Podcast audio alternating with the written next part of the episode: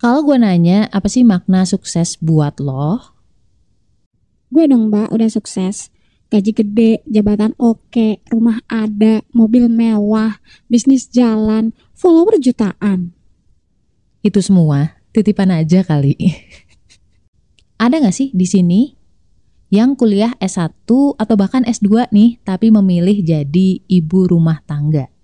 Ya pastilah ya, dikomenin keluarga, tetangga, netizen. Sayang banget, kok sekolah tinggi-tinggi cuman jadi ibu rumah tangga. Seolah-olah tuh kayak kita nggak berguna gitu ya kalau sekolah. Padahal sebenarnya tujuan sekolah bukan mendapatkan pekerjaan atau bukan mendapatkan suatu posisi. Namanya sekolah ya belajar, bener nggak? Dan nggak ada yang namanya ilmu yang sia-sia kalau niatnya lurus gitu. Dan ketika lo dikatain kayak gitu, lo otomatis auto galau, auto merasa bersalah, auto menyesal, mulai ngomong seandainya, seandainya aja, seandainya, seandainya, dan seandainya. Kata seandainya, just for information nih, itu adalah pintu masuknya setan dan depresi. Itu karena udah kelewat gitu loh bro. Lu gak akan bisa rubah itu. Endingnya adalah hopeless. Kenapa? Karena ya udah udah nggak bisa dirubah mau gimana. Yang masa lalu tuh udah udah nggak mungkin lu rubah gitu, udah kelewat. Dan akhirnya lo putus asa, lupa untuk mensyukuri apa yang udah lo punya saat ini. Bukan, bukan mereka yang salah gitu. Imun jiwa kita aja yang lemah. So, gimana caranya biar kita bisa meraih sukses tanpa nyiksa? Asik. Don't go anywhere. Assalamualaikum. Gimana kabar lo? Alhamdulillah. Apakah lo lagi ngerasa kesepian atau sendirian? Kenalin gue Ria Marliana, teman healing lo di podcast Self Healing. Di sini kita bakal ngobrol bagaimana sih belajar berdamai dengan luka, tentu aja atas izin Allah Subhanahu wa taala. Semoga Allah sembuhkan lukamu, ringankan bebanmu dan kuatkan hatimu.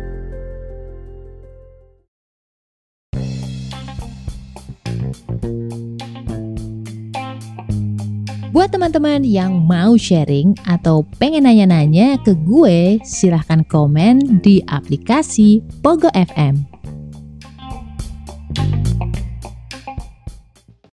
Definisi sukses itu sangat relatif ya guys. Sangat relak relatif, sangat serba. sangat relatif, sangat subjektif. But you know what? Di sebuah buku yang dibacakan oleh Coach Rene, Coach Rene ya, ada di podcastnya Kasih Solusi, Sukses itu adalah yang datang setelah kalian melakukan sesuatu. Bukan ketika lo mencapai sesuatu ya, tapi justru sesuatu yang datang setelahnya. Bisa aja perasaan bahagia, perasaan bermanfaat, perasaan blessed atau blessed itu apa sih bahasa Indonesia-nya?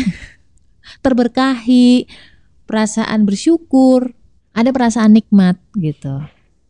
Kalau menilik dari definisi itu, sebenarnya sukses itu bukan hal yang jauh gitu bukan hal yang 30 tahun lagi, bukan yang 50 tahun lagi ya kan. Jadi contohnya lo punya definisi sukses adalah ketika lo punya rumah mewah di kampung durian runtuh gitu ya. Misalkan kita saat ini baru usia 5 tahun. Lo pengen punya rumah. Kan logikanya menurut logika manusia kan kita akan mencapai di usia sekitar berapa? 45 tahun kah? 50 tahun kah? Oh mungkin bisa sih 18 tahun kalau misalkan lo punya cicilan. Contohnya seperti itu ya, contohnya kan akan sangat berbeda case-nya. Kan itu jadi seolah-olah sukses itu maknanya sangat jauh banget. Ya kalau misalkan usia lo sampai ke situ, kalau misalkan sebelum usia itu kita udah diwafatkan, udah dipanggil dulu sama Allah, nanti lo akan protes sama Allah, ya Allah, gue belum sukses nih, gue belum dapat rumah nih, kenapa engkau sudah wafatkan saya gitu. Hanya karena kita salah menentukan definisi sukses. Kalau mungkin golongan darah A tantangannya jauh-jauh nih kayak misalkan jadi presiden director gitu kan atau jadi general manager di perusahaan apa gitu kan. Itu kan tantangannya besar banget ya. Jadi akan sangat jauh, agak sangat berat gitu genjotannya. Apalagi kalau misalkan sampai itu nggak terjadi atau belum terjadi, kan jadi stres sendiri. Sedangkan golongan darah B itu lebih cenderung ke hal-hal yang saat ini ya menjalani hidup lah bisa makan hari ini udah alhamdulillah kan gitu. Itu kan masing-masing orang punya gamenya sendiri-sendiri. Temennya teman gue suami istri yang satu itu pegawai bank yang satu itu gue lupa pokoknya di developer gitu lah arsitek atau apa gitu teknik sipil atau mana gitu. Pokoknya di pembangunan pebe- pembangunan gedung gitu dan mereka punya anak. Anaknya dititipin sama mbahnya atau neneknya. Si ibunya pulang itu seminggu sekali sedangkan bapaknya itu pulang dua minggu sekali suatu ketika karena udah ada video call ya di zaman itu tuh si ibunya video call sama anaknya anaknya yang masih kecil lah masih usia berapa sih mungkin dua tahunan atau tiga tahun udah bisa ngomong sih nggak mau ngomong sama ibunya. Akhirnya neneknya nanya kan, ditanya kenapa kok nggak mau ngomong gitu.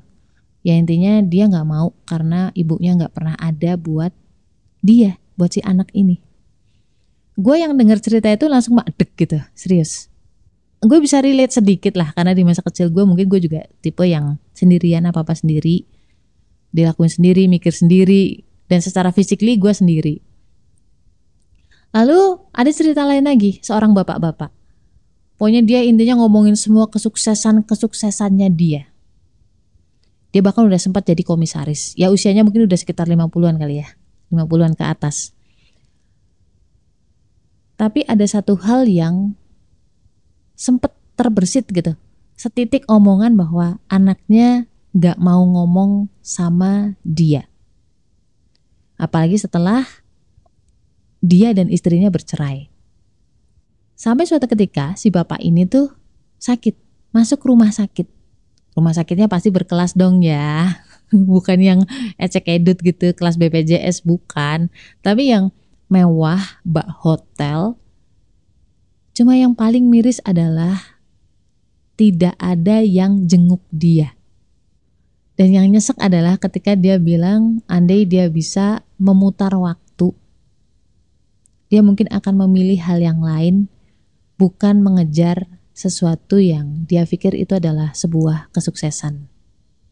Allah bilang di Ali Imran ayat 14 ya, dijadikan rasa indah dalam pandangan manusia cinta terhadap apa-apa yang diinginkan, berupa perempuan-perempuan, anak-anak, harta benda yang bertumpuk dalam bentuk emas dan perak, kuda pilihan, hewan ternak, dan sawah ladang. Itulah kesenangan hidup di dunia, dan di sisi Allah lah tempat kembali yang baik.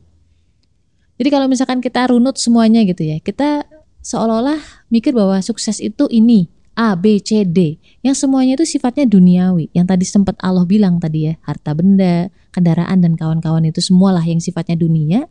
Padahal sebenarnya dunia itu adalah fata morgana. Orang yang pernah tinggal di padang pasir mungkin ya, dia ngerti rasanya kena fata morgana, di prank sama fata morgana. Di saat kita ngerasa haus banget ya, yang teramat sangat, di panas terik, mata buntu, cuma bisa ngelihat padang pasir, kayak udah diambang putus asa gitu, dan kepanikan hakiki, kayak mau mati aja nih gue gitu kan. Di saat gak berdaya kayak gitu, itu kamu bakal diperlihatkan setitik air yang nampak nyata gitu, very real. Seolah-olah itu bakal nolongin lo, itu bakal memuaskan dahaga lo gitu kan. Mau nggak mau, otak lo, tubuh lo akan menuju ke sana. Ini adalah motivasi terbesar manusia, yaitu bertahan hidup, survival. Lo mendekati oase itu, yang seolah-olah air itu, sungai itu, demi bertahan hidup. Tapi apa? Begitu lo nyampe di sana, perasaan itu semua tuh hilang. Jadi kayak seolah-olah kayak semua tuh palsu, hanya tipuan mata. Kesuksesan adalah sesuatu yang datang setelah lu mengalahkan tantangan atau mencapai sesuatu bukan ketika mencapai sesuatu ya, tapi setelah mencapai sesuatu. Jadi ketika lu sampai di fata morgana dunia, kamu bisa tahu bahwa oh ternyata bukan ini ya yang gue cari. Oh ternyata biasa aja rasanya. Ternyata gue butuh fata morgana yang lain agar bisa bergerak gitu. Ternyata ya cuma gini-gini doang. Itu berarti lo tertipu dengan fata morgana definisi kesuksesan lo definisi sukses yang berasal dari duniawi itu kita kejar sampai mati-matian sampai melupakan hak Allah, hak kita, hak orang-orang tercinta kita. Alhamdulillah, bersyukur. Karena dari situ lo bisa menentukan definisi kesuksesan yang sesungguhnya, yang hakiki dari Allah. Di mana? Di lafal adzan.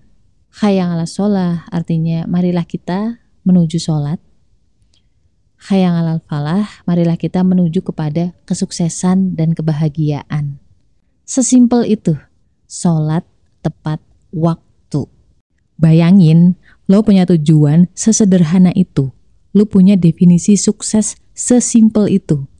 Otak lo bakal merilis hormon bahagia, hormon dopamin, hormon endorfin. Sehingga lo bakal ngerasain perasaan bahagia, terberkati, perasaan menang gitu ya.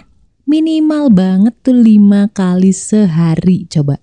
Di saat orang-orang susah banget buat merasa bahagia, kamu semudah itu gitu. Kata lo, bahagia itu sederhana. Oke, okay. semoga Allah selalu tenangkan hati kita dan kuatkan hati kita. Apa pun komentar orang, udahlah. Yang penting kita tahu tujuan kita adalah surga, ya kita akan fokus kepada orang-orang yang tujuannya sama. Kumpulilah orang-orang yang punya tujuan yang sama. Insya Allah lebih menenangkan dan menguatkan. Ingat, kita bukan penduduk dunia, kita itu penduduk akhirat. Kita penduduk surga insya Allah. Amin. La kalau wala quwata illa billah. Stay love and assalamualaikum warahmatullahi wabarakatuh.